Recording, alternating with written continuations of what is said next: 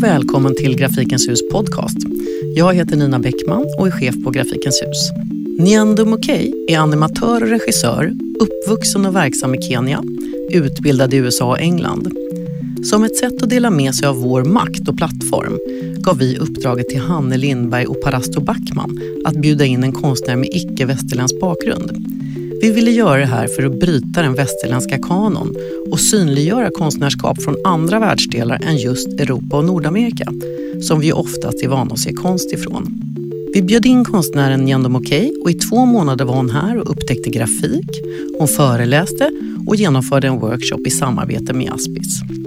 Vi pratar om vithetsnormen, hennes glädje att upptäcka grafiken och hennes pappa som är advokat men egentligen ville bli konstnär. Okay, so my name is Ngendo Mukii. I am a mostly a documentary animator living and working in Nairobi.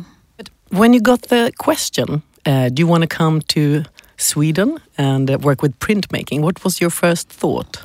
I think um yeah, I received the email and whenever I get these invitations, I'm really excited by them, especially because the people who are choosing to invite you already are quite uh, sensitized to certain situations, like the lack of representation of um, international artists within Europe, like from outside Europe. Um, so I started looking through the school, like like through um, Grafikens Hus, and looking at the work that had been made there. I looked at uh, what other artists had done during their residencies.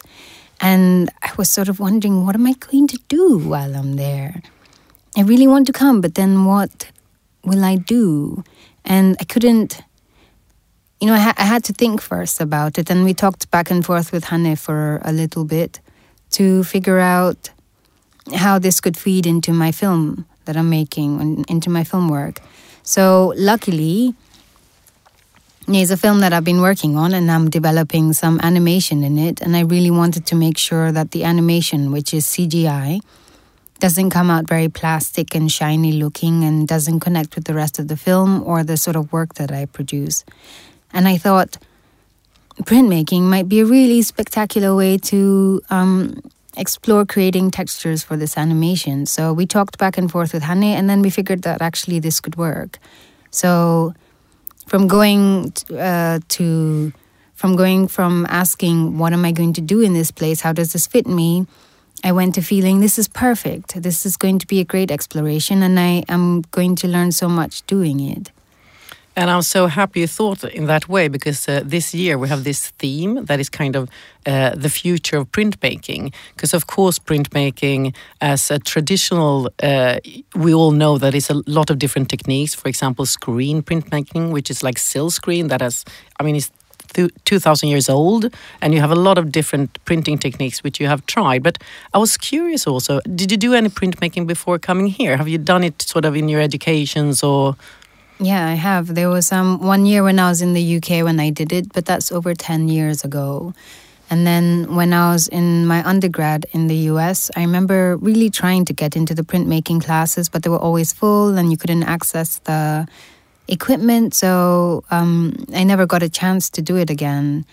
And this is such a like a rebirth or something of the sort. This time that I've spent doing the printmaking has opened up so much it's so exciting for me. It's opened up all these venues of, of how I can uh, continue to work as an artist. You know, my point with the printmaking has been to use it within animation, but at the same time, I've done printmaking for the sake of printmaking. You know, to experiment with this wood, to create different uh, marks with this uh, chisels going against wood, to play with a silk screen, mixing paint in new ways. Uh, and I know that definitely my work is going to continue in this path in terms of printmaking for animation and then printmaking for the sake of itself. And I'm really excited to be able to have this as an opportunity to continue working in in the future. And I'm super curious on all of that, and I'm going to come back to that. But I think I'm going to step back a bit in your life, and because I think um, everyone is really curious, probably about your background. And I, I think it would be great to hear, kind of, maybe not exactly from your when you're born, but more or less. more or less from more when less. I was born. Give us the full story. there was that moment when my I'm just joking. So um in terms do you want to like how I ended up in art or Yeah, I'm curious of that. But also, are you born in Kenya, for Yeah, example? I'm born and raised in Kenya in Nairobi. Um while we were young, uh, we were four kids. My dad, who had once been an artist, he's still an artist. Um, in his youth, he used to enter national competitions and he would win um, in high school. But then, as he got older, his parents, you know, and everyone else was saying, What are you going to do with art? You need to have a logical career. You need to choose um, a path where you can actually make money. So he put art aside and he ended up becoming a lawyer. So when we were born, he still had this passion and he would just sort of put a pencil in your hand and put a banana in front of you and say, draw it. And all of us were sort of like, why is Daddy doing this? I want to go and play, but he's making me draw a banana. You know, who cares about this banana? And then after a while, I started enjoying it a lot. And everyone else sort of managed to avoid the banana drawing and the orange drawing and the flower drawing. And there I still was doing this thing over and over again. And by the time I was a teenager, literally art was a sort of way of getting the sense of solace in my life. Like uh, it made me feel whole, and it um, was a form of therapy. When I was stressed, I could concentrate on all of these things that I had control of. You know, as a child, all of these things you're you're, you're doing, you don't have control of the class you're in, the subjects you take. You know, where you go to school people are choosing these things for you. But as soon as you have a pencil on paper, I'm the one who's making decisions, and I can find so much comfort in that. So, um, by the time I was in high school, like midway through high school, it was there was no way I was going to leave art in in any sense because I think I would have just gone mad if I didn't have it. Um, and can I just ask, because that's so interesting to hear about your dad, Mm-hmm. and um, we can definitely also talk about your mom Mm-hmm. and the influence, of course. But uh, were they both very positive uh, to you, sort of choosing a career uh, that was artistic with his background and the choices he made? I, th- I think for him, uh, there was a sense of, you know, I didn't get to carry this uh, torch forwards, but um, you have the opportunity to do it, so I'll support you. And my mom throughout has been extremely supportive. We we could have told her almost anything that you know you want to work in this, you want to work in this field. She would have been supportive either way. And I think um, my mom is one of those parents where it's always that she's trying to figure out what is best for the child and she tries to analyze where you are within your own life and to suggest things. So um, yeah, I, I I never felt any opposition from them, and there were a lot of other people who had opposition. Like um, one of my mom's friends came over one day, and she came over a number of days in in uh, about a month because I was doing my my art project for my uh, A levels. So she found me every time she came. I was drawing or I was painting. I was doing studies, and she just sort of looked at me and said, "You know, Ngendo, you're wasting your parents' money. You're wasting your life. Why are you doing this to your parents? You should become a doctor. You're an intelligent girl. Like anyone can do art. You you shouldn't do it. You should do something that's going to be be worthwhile in your life." How did that make you feel? You know, I was uh, I was like 16, 18, so I'm just looking at this lady who I've grown up with and she's telling me that I'm wasting my parents' money and I just knew she can't understand the passion that I have and I could feel that she just doesn't respect the field that I'm in. But I never felt any it was never a question. I think if she had come in earlier, maybe when I was younger, I'd have felt guilty and felt pressure to change. But um by that point I was completely selfish in my in my choices. I didn't care. Like if you if you feel that I'm wasting my life, it still has doesn't have anything to do with you. I feel fulfilled by it. So you are not able to convince me that what I'm doing that makes me feel fulfilled is wasting my life. Um, and every time you're working on a drawing or changing materials, it's a challenge, you know, and you have to climb through learning how to use pastels, how to blend these things, how to fix them, and, and work in layers. You know, there's so many things you have to set for yourself as a challenge each time. So the sense of achievement is is really powerful. Like I, I was explaining to you how my initial silk screens were when I came. I, I feel extremely, extremely happy that I've been I've managed to make beautiful silk screens that don't have those elements of mistakes in them the way they were there before. Which I think also is part of the process with printmaking that actually is through the mistakes you learn. Mm. And sometimes that can be, if you look in sort of other options in life, that can be often pretty tough to learn through your mistakes, even mm. though everyone recognizes that. A lot of us are extremely afraid of doing mistakes. But yeah. com coming back again to your upbringing, because I think that's interesting. Um, also, the environment and kind of the place your parents gave you because mm-hmm. uh, i guess that also brings in sort of the confidence in what you're doing yeah. i mean that you said that your mom really believed in you what, what impact do you think that has had on you as a grown-up and choosing the path you have i think um, uh, my mom is a bit of a superstar sometimes because uh, even as an adult, like you, you can see how my hair is in Nairobi. It's very. It, it, at one point, it was very strange. You know what's happening to your daughter's hair? Do you want to talk to her? Tell her that there's not going to be any man who's going to look at her if she's going to continue having her hair like that. She doesn't look Christian enough. You know these sort of comments. And my mom one of my mom's friends told her this. You know, they genuinely mean well, apparently.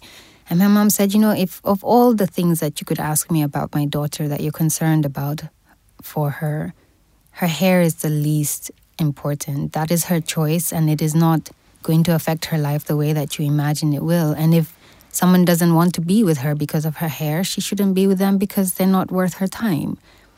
And her friend was just stunned.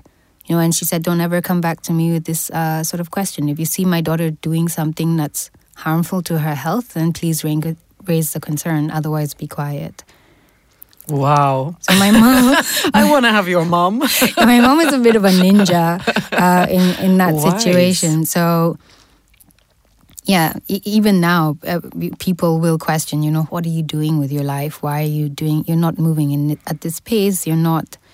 Uh, it's time to settle down, or it's time to be an adult in this way. Change your hairstyle so you look more like the rest of us. I never feel pressure from my parents for that. So I really appreciate it. That sounds actually like very lovely parents and the way I would like to be as a parent myself, actually. But I was thinking also when you mentioned that about that people comment kind of on your hair or mm. the way you look and everything, because I was curious also what it's like to be an artist in Kenya, because uh, I don't know the, sort of how it would. I mean, are you often encouraged? Are people how do they look up on you as a contemporary artist? I think when I was younger, it was probably quite aggressive because that's why um, my aunt felt quite uh, comfortable and and found it necessary to warn me that I was wasting my life because that's how artists were seen. These people who were sort of vagrants, just um, pretending to do art and having no purpose. Um, for me now, because I'm a filmmaker, um, I think many people don't necessarily understand what we're doing unless they're in the field. So, and, and if you're not producing something that's on TV that's consumed by mass, then no one really understands why you're doing it or what the purpose is. So if you're making a series, then they can understand that they watch it, and but they won't understand what your position means. So for me, for example, I often make uh, short films, and people haven't yet understood the power that a short film can have. It just feels like an incomplete sentence for them. So, but I know it's really great. Like when I made Yellow Fever, and people respond, even today, I'm still getting responses online from people who have just watched Yellow Fever or who have come back to it again. And I know that you can, within six minutes, seven minutes, give some like a perspective that they would never have thought about before and tell it in a way that really changes how they feel about certain topics or um, certain things happening in their life. So I think that the power of even short filmmaking is is incredible, and you have to be really aware about how you use it. Um, so I, I don't feel like the general Kenyan or even Nairobi, let's remain in the city. I don't feel like the general Nairobi society understands that or sees what it's capable of. But if there was a commercial element to it, then suddenly I think they would they would respect it. We tend to, I think, in most countries it's the case. You tend to respect things more when there's a commercial element to it. So if you can make a lot of money from your short films, then suddenly your films are worth watching. Tell us a bit about Yellow Fever. what is it about for the ones that hasn't seen it, and how how come you wanted to do that film? So, um, Yellow Fever is looking at the way um, Western media has influenced uh, how Kenyan women feel about uh, the ideas of what is beautiful, and then, um, yeah, how the society in general is influenced by this globalization of um, media and ideals and how we as women are trying to react to these ideals by trying to emulate foreign or globalized ideals of um, beauty. So in Nairobi, we we have a practice of you know wearing Indian and Brazilian hair and weaves, or sometimes people will bleach their skin. And I'm not saying everyone does it, but there is this pressure that if you have um, a lighter skin tone, then you are more attractive. If you have long flowing hair, then you are more attractive. But then I think it would be so much more healthy if we could create a space where our own natural type of hair is seen as being attractive and you can keep your hair if it's an afro or if you want to make dreadlocks or you want to do little curly like whatever you want to do with your hair is attractive and it's also professional because this is a big element if you're if your afro is not professional, it's not seen as professional, then you can't maintain a job. So you have to put on a weave, and that's a pressure that you can't uh, you can't push this pressure like you can't just put put it aside. It's a genuine pressure. You have to pay bills. If you have children, you have to take care of them. So if it's your hair that's standing in the way, and literally it can be your hair changes whether you get a job or a promotion or not um, it would be nice to have a society where you can have an afro and be seen as a professional person based on your performance, not based on what is on your head. Also, um, based on, again, on your performance and not on your attractiveness defined by what skin tone you have. And I find that puts really strange pressures on women and on men as well.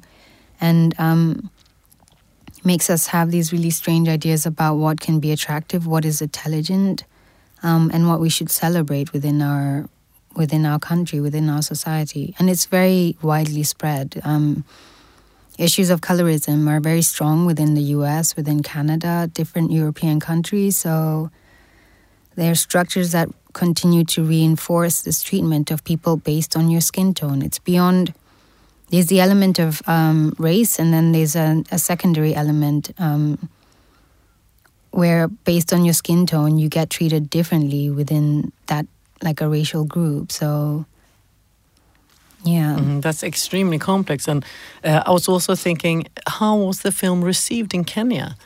Because mm. I um probably been there on festivals or I mean on at, of course at the, in the internet etc. But how was it received? Um, it got a best Best Animation at the Kenya International Film Festival, which was the first award that it won. That was great.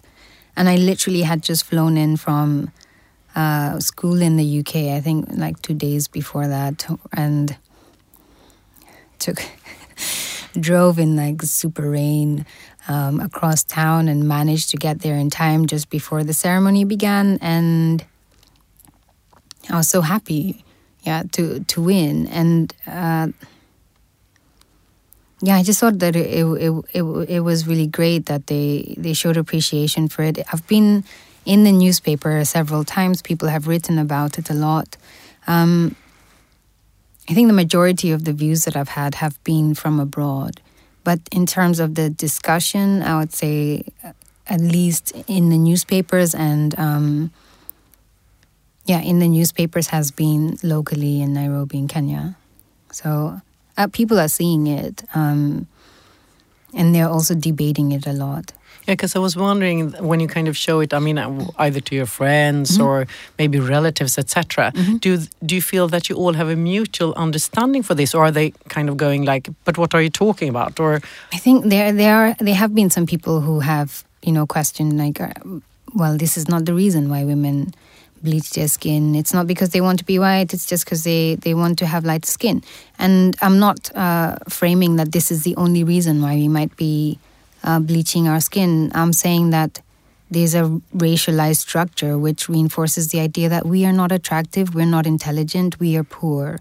So, because of this structure, you we also have this understanding that people who are lighter are better off in life, are more attractive, more intelligent. So, no matter what the reasons are, we shouldn't be bleaching our skin. These products have um, mercury and all sorts of other dangerous chemicals that are not meant to interact with human beings. And we've been on this planet for millions of years. Our bodies have made decisions based on millions of years of evolution. And then someone shows up and says that you're not attractive and that changes that means that we start to fight with our own bodies it's i think it's really detrimental so um oh i've had really great conversations as well. There was a, a screening i had at the Storymoja festival and women were just really happy to have a space to discuss um, body shaming issues. You know color is one thing hair is one thing.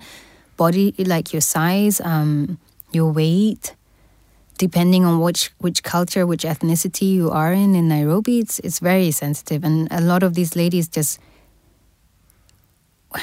One one lady came to me and she said, you know, um, I love that you've made this film, but I, you know, I wish that you would talk about body issues. I wish that you would discuss how it feels to be, you know, for her, she's considered overweight, and the sort of treatment that she's had growing up.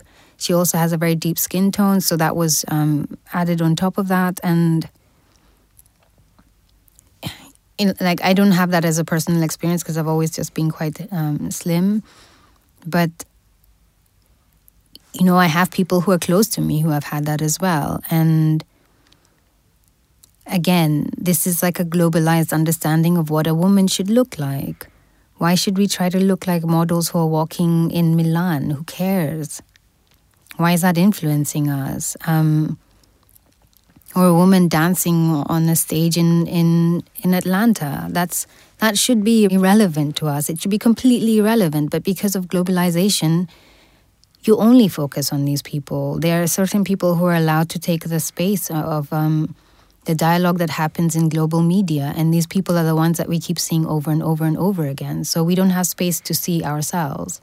So you believe that there's something wrong with, with you as you are. And it, it, I think it just affects the entire society in a really um, negative way. And I think some people have thought, okay, so women is skin bleaching.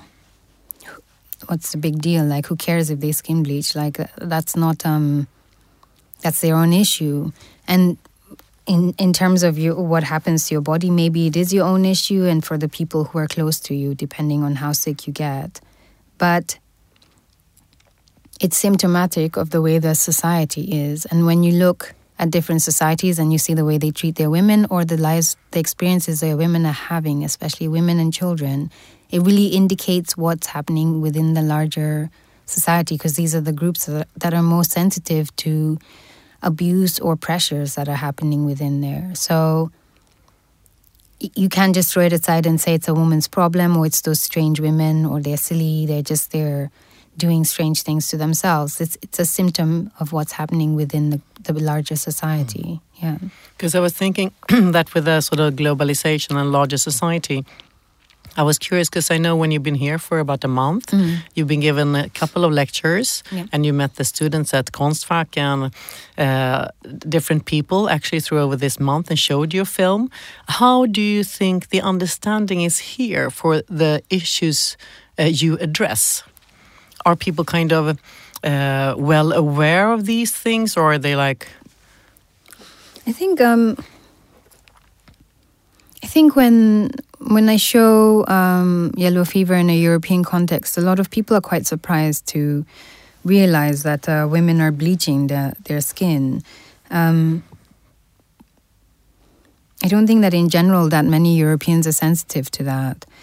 Um, and even within within like within Kenya, it's not as if people would say they're bleaching. It's very, it's sort of a shameful act. It's the same way if you're bulimic, you don't do it in public. You go and do it in the bathroom quietly.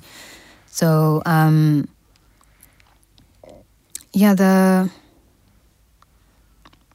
the reaction has has been quite. Uh, I found it very interactive because the people who were attending um, these lectures have mostly have come with a with a, an interest in discussing certain issues. They already have some research, or they already, you know, themselves doing work that is related, or working with minorities and stuff like that. So they're already culturally tuned in and and sharp. Mm-hmm. Um, occasionally, there is like one or two people who I think they believe that they're culturally tuned in and sensitive, but then by the questions that they ask, you can realize that they're coming with a form of uh, naivety. So um, I don't know if it's okay if I give an example from. Mm, sure. Okay, so at Konstfack, there was a man who said um, something along the lines of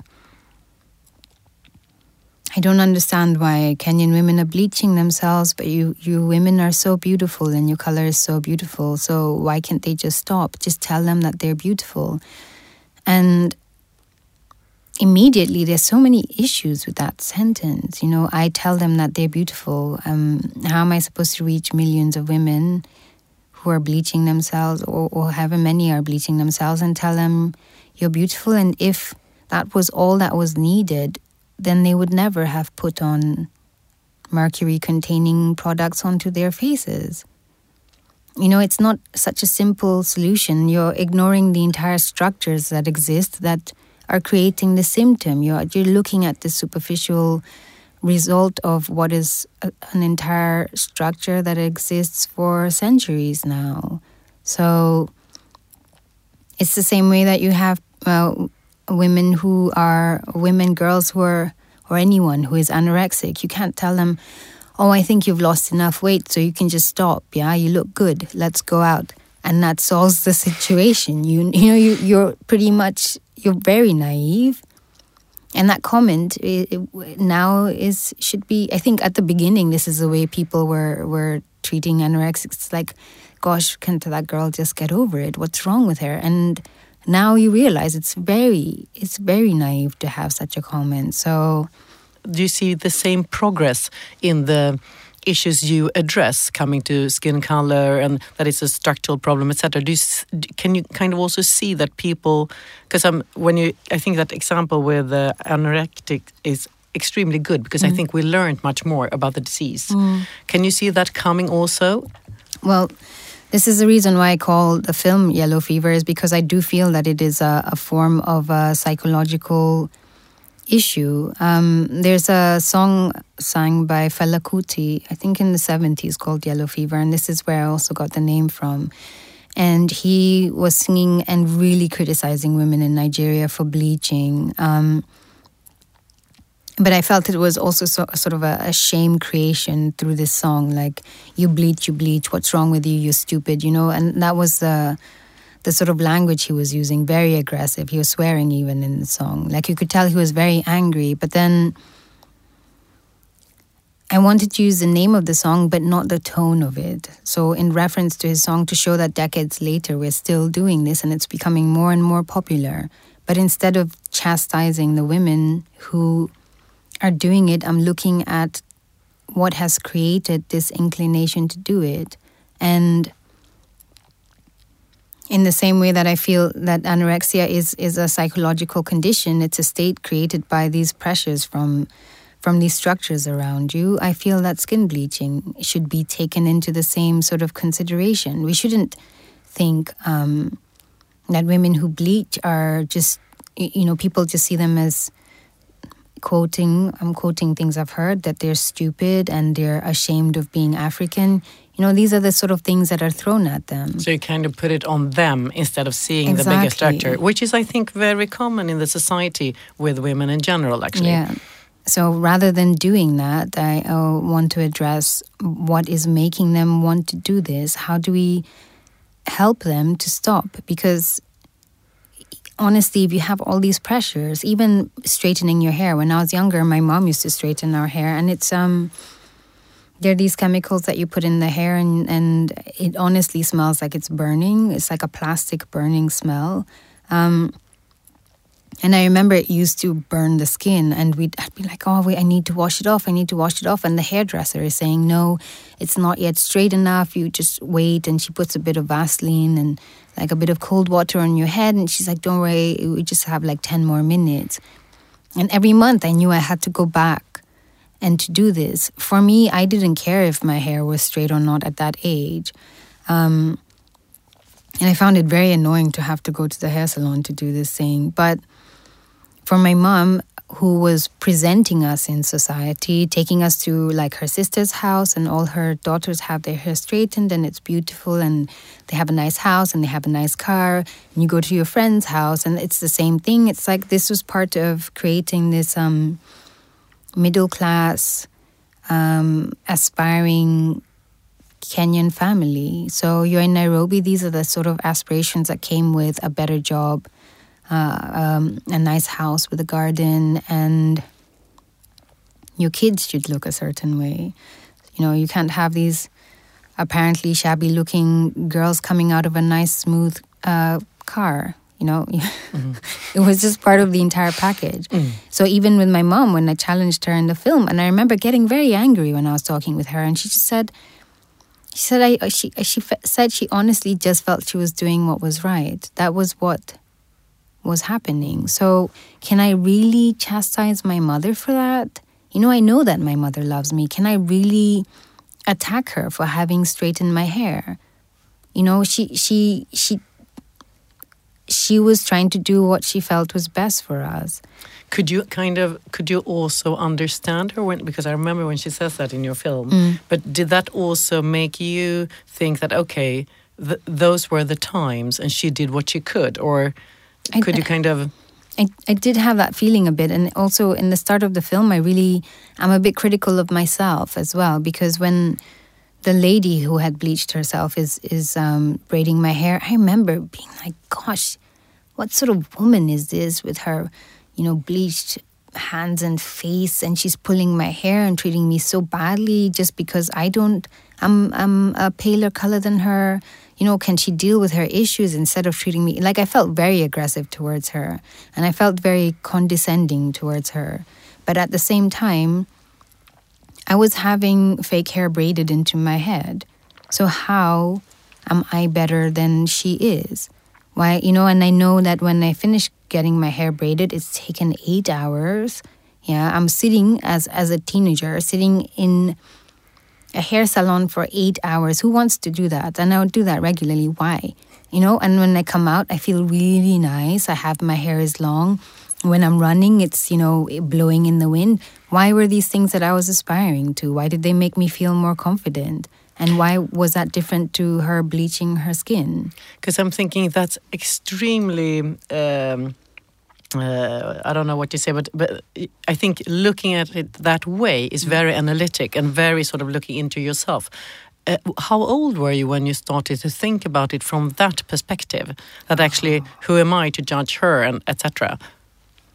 No, I, I think I was an adult by then. I, I think I, I got so irritated with that hairdresser. I just refused to do my hair again after that. I didn't want to have my hair braided.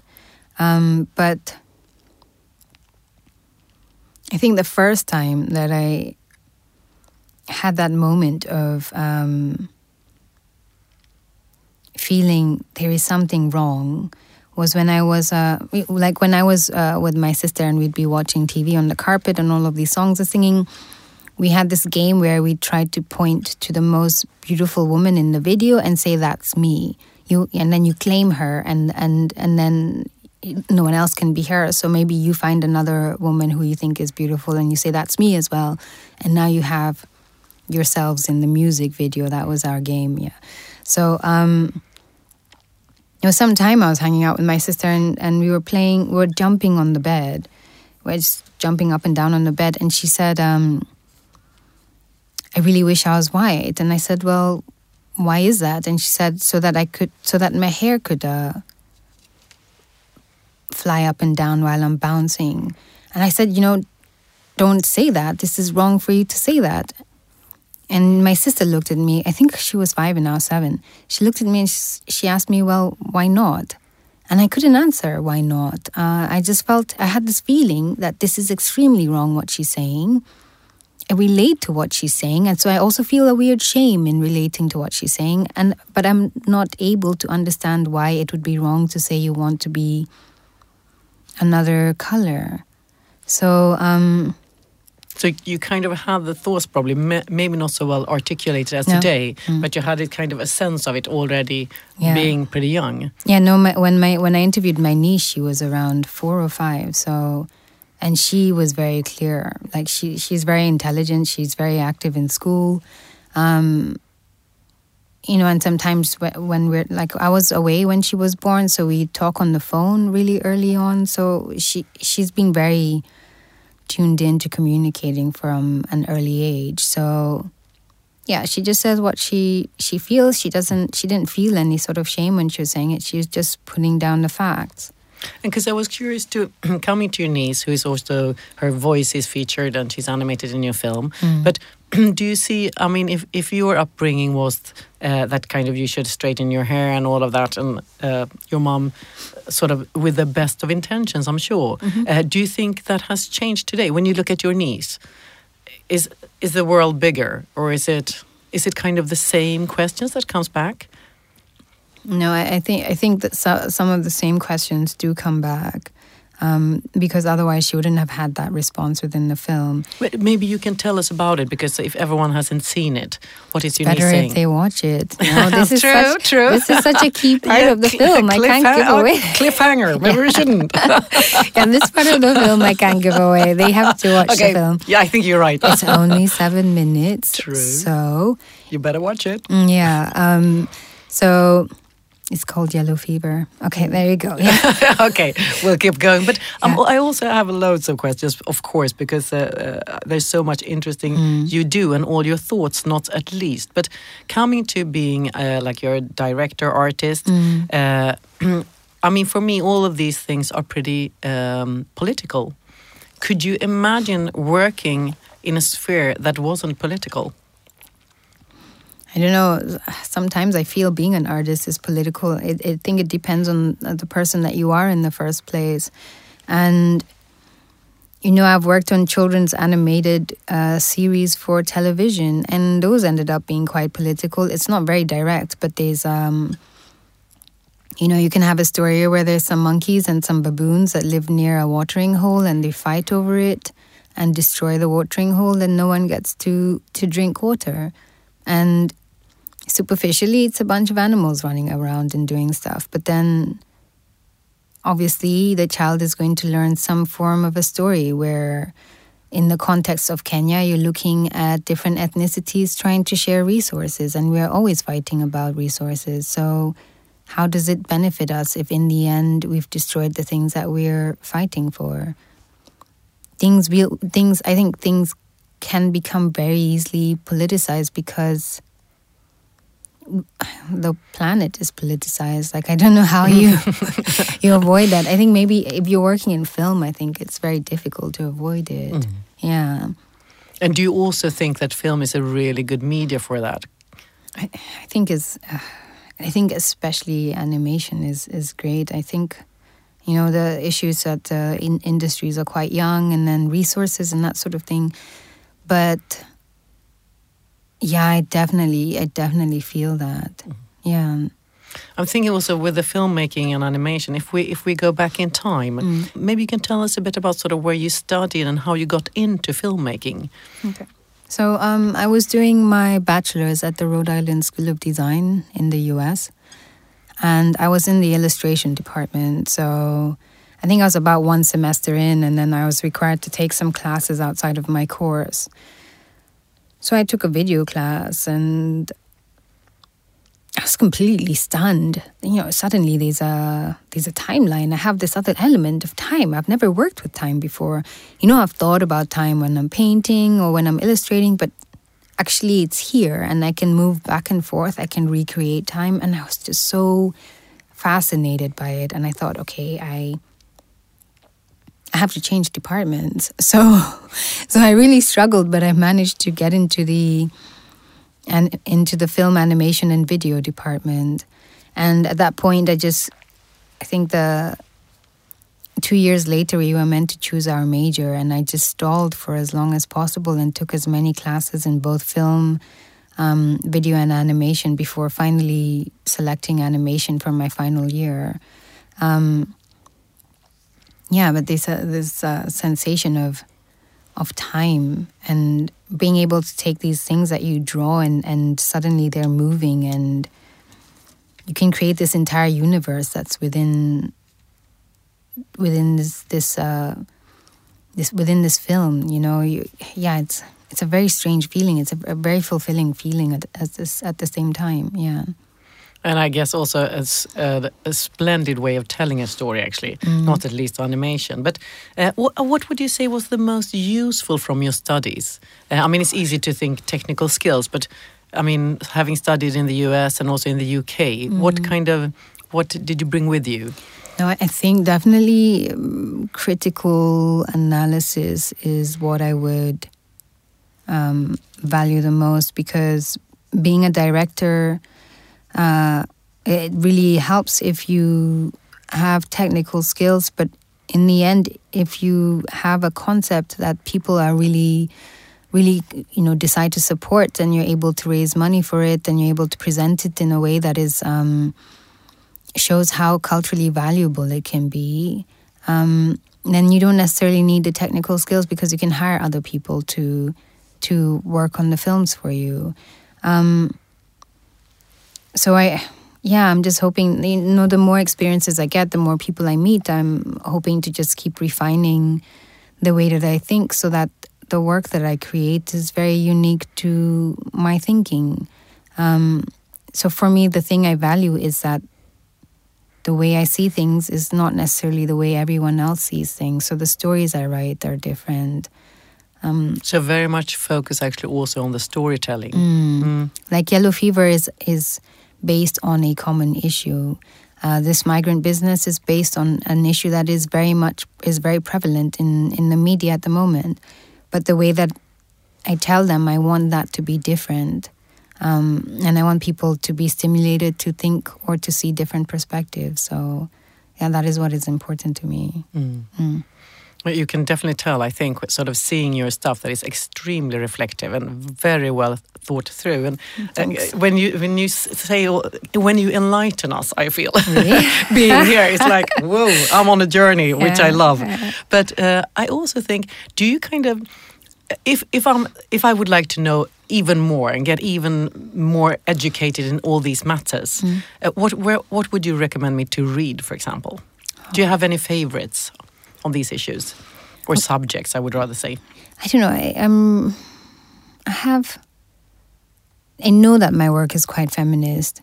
Um, at the same time, I don't feel that it's necessarily the same as European or uh, Western feminism. I feel as if um, you know we're still dealing with different things. Like everyone wants human rights to be to be equal. Well not everyone but okay everyone who is feminist wants human rights to be equal.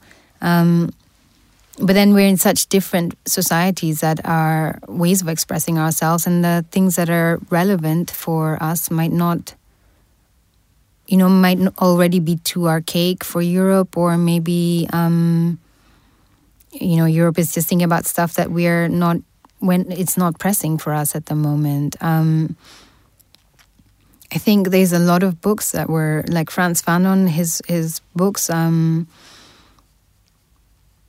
uh, these are books that you you really read, and you see people who are um, intellectualizing these these racial problems. There's uh, I love reading stuff by Chimamanda Ngozi Adichie because she's she's writing about contemporary things. You know, it's not she's not debating within the books. Uh, you know, writing out theories about race or relationships or men and women and and power structures, but the she's writing about life. And when you read um, these books, is when you realize how stuff structures work. Um, which can be as powerful i'm thinking Yeah, because it feels definitely. like having read her it feels like you're actually moving toward Exactly. whatever it takes part Yeah. So um, I think just reading more, like reading African literature has been really influential for me. Um, Ngugi wa Thiong'o and Wangari Maathai as well are two Kenyan um, writers that I really enjoy. And Ngugi wa Thiong'o is a bit crazy sometimes because he writes this like magical realism uh, stories that are just so absurd sometimes and and yet they just feel so Kenyan. You really feel this happened down the street, yeah? There's this guy who did this thing down the street, but I just happened to pass like a few moments later or a few moments before. Um, if people want to know more about anything, the internet is there. You can access. This is the thing. It's um. Sometimes I find it really strange. I, I, this was like I was at a film festival a couple of years ago, and one of my friends who I met there said, um, ah, "You know, it's just really difficult for us in Europe because we know so little about Africa." And I said, "Well, why would that be? When you occupied Africa for centuries, you should know everything." About us. You like to control, you claimed spaces and territories, you made new maps, and you studied our cultures. So you have all the information here in Europe, like in the British Library in the, in London. I have access. I had access to all this information that I couldn't access in Nairobi. Yeah, stuff about our culture, stuff about uh, language structures, stuff about like just all this information that had been gathered during the colonial period and brought back. And then you know our culture at that time is being is being deleted, is being erased. So now it exists in a book. The book is in the British Library. If you, as a European, if you, if you, as a Londoner, are saying that you can't want to know more about Africa, but you just don't know how, you're there, where all the intellectual information is being held. You're there, yeah. You're there where I cannot access it from Nai- from Nairobi, um, and beyond that, there's uh, there's there's the internet. What are you doing when you're on Facebook? Join join a group or join like a page that has um, you know, there's OkayAfrica. There's um, this is Africa. There's loads of different uh, people promoting different things about African culture and contemporary African culture online. So it, I think it's very easy to find information if you're interested in it. that's really a super good answer Ah, we, we're all going to get in there if we're Yeah. not already. Yeah. I, I want to move on actually a bit to back back to you can say the printmaking. Mm. And because I'm also, uh, I think it would be really interesting to hear you talk a bit about your experiences in the workshop where you were at Grafikskolan. Mm. And it, I, I was so happy because you kind of just wanted to go back. Mm-hmm. I think first we said like uh, if it was 10 days and you go like, but I think I'll go in the weekend. And I think I go next week. And I, um, let us know about your experience and sort of the different crafts. How did they uh, sort of talk to you? Okay, so uh, when I got in, there was Virlani who is um, was helping me with uh, like teaching me how to use the stuff. And at the beginning, I was just very shy, and I could see all of these printmakers working obsessively. They had headphones on, and they were either cutting away at a piece of wood for six hours nonstop, or they were printing the same print over and over and over again. And everyone just looked a little bit crazy, yeah. And I was wondering, I was wondering, am I really? Was it a good idea to come here? Should I have made another choice in my life? These people don't look happy, yeah. So I was a bit concerned at the beginning. And people are doing the same thing over and over again, and then you hear them swearing, yeah, and they just look so upset and they they walk off. And I thought, this is not how I want to be. This isn't how I want to be. So I started with a bit of uh, trepidation. I was like, okay, I can do lino. Okay, fine. And I started cutting into it, and then I And started. that's uh, lino for the people who doesn't know. Yeah, it's like a, a linoleum. So pieces of linoleum, and you have these uh, chisels that you can use to cut into the surface. and you um, you're creating your image by cutting into the surface, and then you'll ink the surface and roll paper over it. Yeah, Yeah. that makes sense. Ex- that makes sense. So um so yeah, I started doing that and the first thing I was thinking was, oh, this feels kind of nice. I like how the the knife cuts into the surface. So I continued doing that and then I started testing some of the printing and I just found it quite awkward with these uh, clunky old machines and I was wondering, am I going to be strong enough to do this? Yeah, and then and then I remember I tried uh, woodcut and that just upset me because I think I, I had the wrong tools. So I was in the studio in one of the evenings with this woodcut trying to cut onto the surface, and it just felt so awkward, and the sound of it was terrible. And I just thought, I really don't care for woodcut.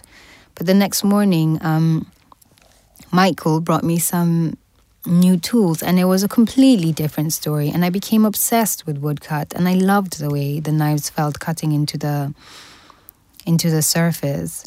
Um, and i started creating all of these really beautiful little details that i could only do through this um, mark making. You know you're not able to just create these uh, marks by drawing them on photoshop. It's a very it's a very different uh, experience and you're also sort of creating as you go, which means you're discovering the, the tools and how they interact together as you go along. So I was extremely, I just found it so satisfying. And then I, I don't know. I, I also did silk screen, and that, and that was just another level of, of satisfaction. So uh, Was that more complicated, you think? I think the you know the thing like you're having to expose the thing, you have to put the emulsion on first, and then you're exposing the screen, and To the frame and yeah, Mm. all of this stuff. And I, at- the beginning, I was like, wait, how many minutes do I expose it for? What setting do I use? Wait, I put my emulsion wrong. Oh no, it's not working. It's coming off. I have to start again. Um, I'm printing and my paint is drying on the screen, so I can't, you know, there was all of these uh, complications based on me not understanding um, the technique that I was using. But you can only come to understand it by doing it. So yeah, after a while, I was really comfortable and I was just really happy doing it. So it would be like Sunday night. I'm trying to finish before the last bus leaves, you know. Yeah. Um, and yeah, that's, I love to do stuff where there's a sense of discovery. So I found, um, I think the silk screen was the one that for me was a bit ironically where I found the greatest sense of discovery because you've already made your um, design and you know exactly how it's going to work if you use a flat color. But I haven't been using flat colors. I've been blending my colors as I'm screen printing. So every time I blend them and then I lift the screen up, I'm discovering what has happened underneath on the paper. And sometimes the stuff is so yummy. It's like I couldn't have done that in Photoshop. You know, someone will say, of course you could have, but I, I wouldn't have envisioned it in the same way. So, um, you know, and I wouldn't have envisioned some of the marks that I made without actually cutting into wood. So it's really great to take these uh, new discoveries and to combine them and to make something, you know, from made based on my experience with the woodcut and with the silk screen, and then to do something new with that. And it's just, oh, yeah, yeah. I think I was just, I was just in the studio going, "This is so yummy! It's so yummy! I'm so happy with this." And Andrew had come that day, so Andrew was just looking at me and he's like, "What is wrong with Ngendo?" She has lost it. Yeah, I I. I could tell he was wondering when do we get home? When do I get to eat? This woman is just going on about yummy colors. I want actual food, not yummy colors. Yeah. But do you think aesthetically that um, I, was curious also, did you kind of see straight away what you wanted to do? And has it kind of uh, developed your sort of aesthetical language? Or do you recognize yourself a lot in the printing as well? Yeah, I feel honestly like printmaking is an old friend who I had forgotten I knew or something. Um, I real I feel extremely close to it. I, I, I get such a sense of satisfaction and happiness using it. So, um, yeah, I, I definitely do not want to separate from from these processes. When I go home, I, I need to find how I can continue doing them, and if I don't, I'm going to feel an emptiness. Mm-hmm. Because So- I think that's also we were so curious because we mm. wanted, of course, to match up the printmaking as a mm. kind of analog thing. You actually work very much with handicraft, mm. and what happens when that meets the moving image, which you are very used to. Wh- What do you see in your head? What What do you think you want to do? So I, I definitely knew that what I wanted to do was to play with this analog to create um, moving images to use in my film. So they will provide textures for my animation.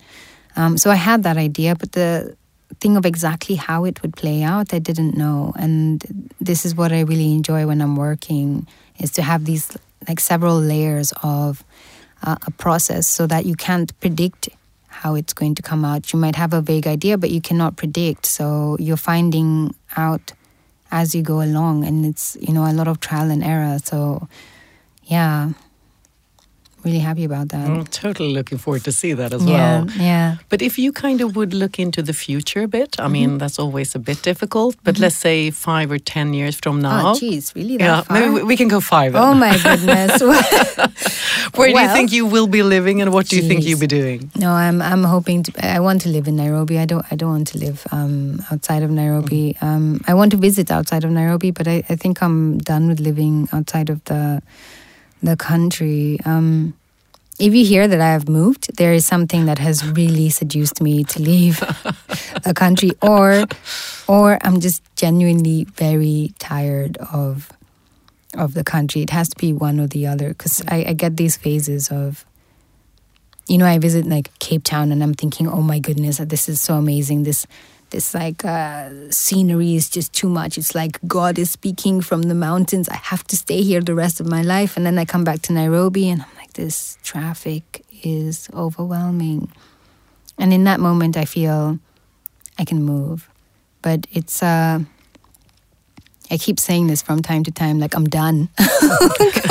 I'm going, but I, I do feel my my creative element is is in Nairobi. I like to leave and to be charged up by it. Like I feel rejuvenated being here, but I feel that my creative element is in is in the city. So And coming to, do you kind of set up goals for yourself? Like, sort of, in five years' time, I want to have done this and that, and I want to work with da, da, and I, the exhibit is here, or whatever. Or, how, how, or is it very intuitive, sort of, that it just sort of brings you along? yeah, I did I did have a whole bunch of goals at one point, but I didn't write them down and I didn't post them on my wall. So you know I have to you have forgot them.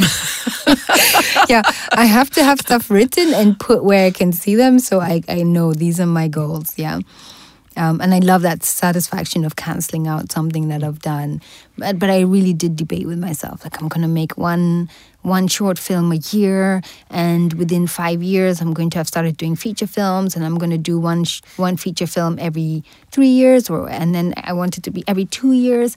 You know, so that by the time I've reached a certain age, I have this number of films done so far I haven't fulfilled that, but um, yeah, five years haven't yet passed. But I need to have, yeah, I need to, I, I should write it down. yeah, and this is the thing now is because now I've had this experience, now I also have some different goals which I never had before. So And I think actually with those lists, you have to reevaluate them and Mm. Actually update them because I think that's the thing with living Mm-hmm. that you actually, if you don't take anything in, I mean, of course you influenced what's happening around you. Mm-hmm. But I'm thinking also, kind of a last question. Mm. Uh, I I think you kind of met a, a bunch of students also being Mm-hmm. here and the people in different situations, of course, in working life. Uh, what what would you kind of what advice out of your own background and history would you give them if you kind of wanted to become an artist or film director? what people living here? Yeah, or kind of you know like young people you meet who kind of want to go into the same scene as you are. What would your I think the, advices be? the, I think the people that I met here, um, like uh, Francine is at the Royal Institute. Yeah. Um, yeah, the students at at uh, Grafikskolan, um, they're all really, really passionate about what they're doing. Um, I don't even know if I can really advise them. You know, at the beginning when I started the printmaking, I felt really embarrassed to be there because I could see that they're on a different level. They're really obsessive and working through the stuff over and over again and, and striving for this perfection. I know that Francine is, is very active in her school scene. She's um, also creating a lot of debate around race issues and trying to bring different groups of people together. So I, I almost feel like I have the like what advice could I give them? People are already pushing themselves so much and they also live in such a different context to myself. So it would end up being very superficial advice like you know, keep the fight going so um fair enough. Yeah, I just I, I have been really inspired by them. So I, would only say thank you. I don't I don't know if I'd have advice to give mm. them. Yeah. No, but that's fair enough. Lastly, do you think uh, what kind of maybe it's too early to say, but what will be your strongest memory from the Stockholm month? Is this apart from the sun leaving before it's come? Is it apart from that? It would be nice if someone could talk to the sun. Yeah, arrange. Maybe, you can help arrange a meeting. You guys need to talk to someone to sort this out. We totally agree. Um, no, I think uh, from the beginning, the it was really good to have the. Um, the lecture at Iaspis so soon after I came. I think it was about two days after, because that immediately threw me into this group, this crowd of people who were super tuned in and super excited and really supportive. And that entirely changed my whole experience here. From the beginning, people were inviting me to come for dinner, come for this lecture, let's meet at this uh, gallery, like, let's do all of these things. We're going dancing this weekend. So, um, I think that first uh, conversation at Iaspis was was such a it was like a match. It just really started something burning. So i'm really happy to have had that because it's really influenced so many experiences that i've had here since. So i know someone the other day asked me how long i've been here and i said one month and she's like, What? I thought you've been here for six months. Like, who? This was at the goodbye drinks. She's like, Who are all these people? Why are they here to tell you goodbye and you've only been here for one month? And it's, it's because of that first spark. And that spark has, has it's really, it's like led to so many paths. It's been great. Yeah. Okay, thanks a lot. Okay. Thank you, ah, Thanks so much for having for me. everything you've given us during yeah, this month. Thanks you guys a have lot. given me so much. It's been so brilliant. Thank you. Thank you. Okay, cool.